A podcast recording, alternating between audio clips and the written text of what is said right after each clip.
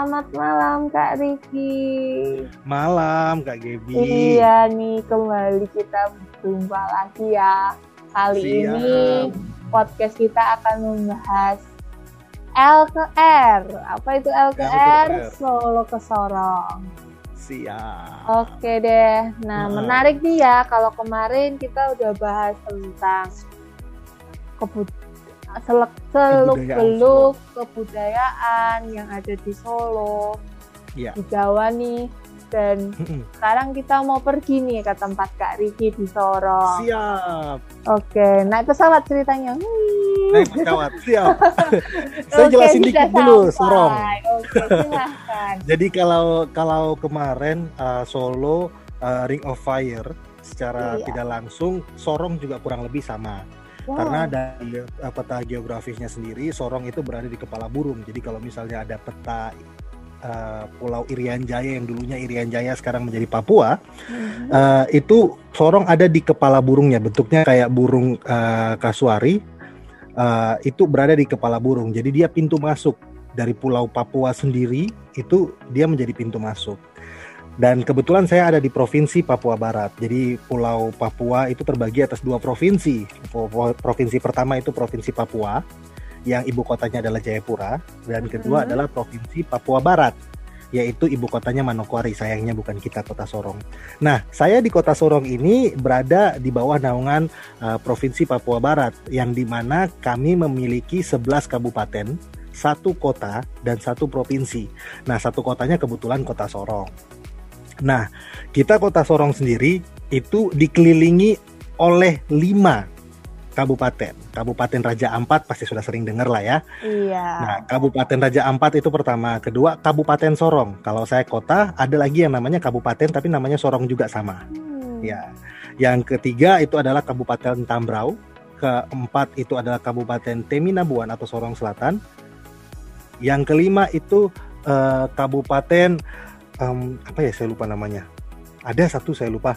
Ya pokoknya ada lima kabupaten lah ceritanya seperti itu. Dan Kota Sorong ini eh, berada di pesisiran dari eh, geografisnya itu berada di pesisiran pantai. Jadi hampir kalau bisa bilang dari sepertiga kota kami isinya adalah pesisir pantai semua, pelabuhan semua.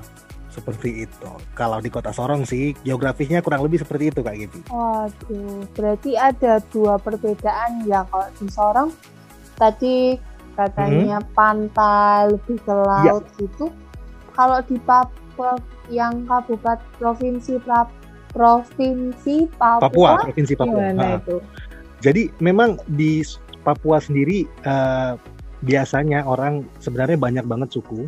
Nah, tapi Mm-mm. biasanya itu dibagi eh, orang gampangnya dibagi ada orang laut ada orang gunung ada orang pesisir laut dan ada orang gunung.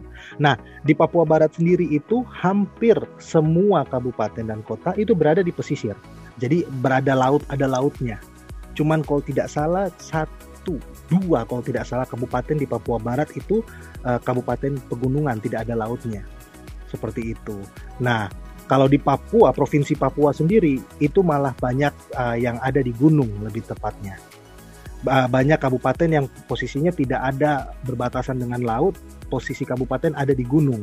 Jadi memang dua karakter dua karakter uh, orang gunung dan laut ini agak sedikit berbeda lebih tepatnya. Ada cerita punya cerita mereka berbicara bilang bahwa orang apa namanya orang gunung itu eh, suaranya lebih keras-keras seperti itu karena harus teriak-teriak dari jarak jauh seperti itu. Kalau misalnya orang laut itu orangnya lebih gigih, sabar karena sering mancing kan nungguin ikan bahasanya kayak gitu. Hmm, Oke.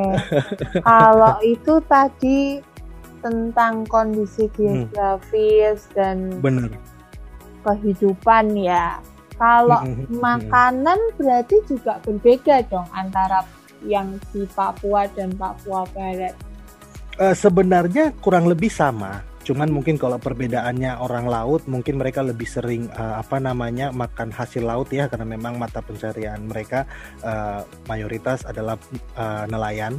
Tapi kalau yang di laut, eh, sorry, yang di laut itu biasanya makan ikan dan hasil-hasil laut dan makanan ciri khasnya itu mungkin ada yang namanya kuah kuah ikan kuning. Ikannya boleh apa saja tapi rempah-rempahnya itu dimasak sesuai dengan uh, ciri khas uh, di Papua bahasanya seperti itu. Hampir mirip di oh. kota Manado hampir mirip cuman ada beberapa apa bumbu-bumbu uh, yang agak sedikit berbeda.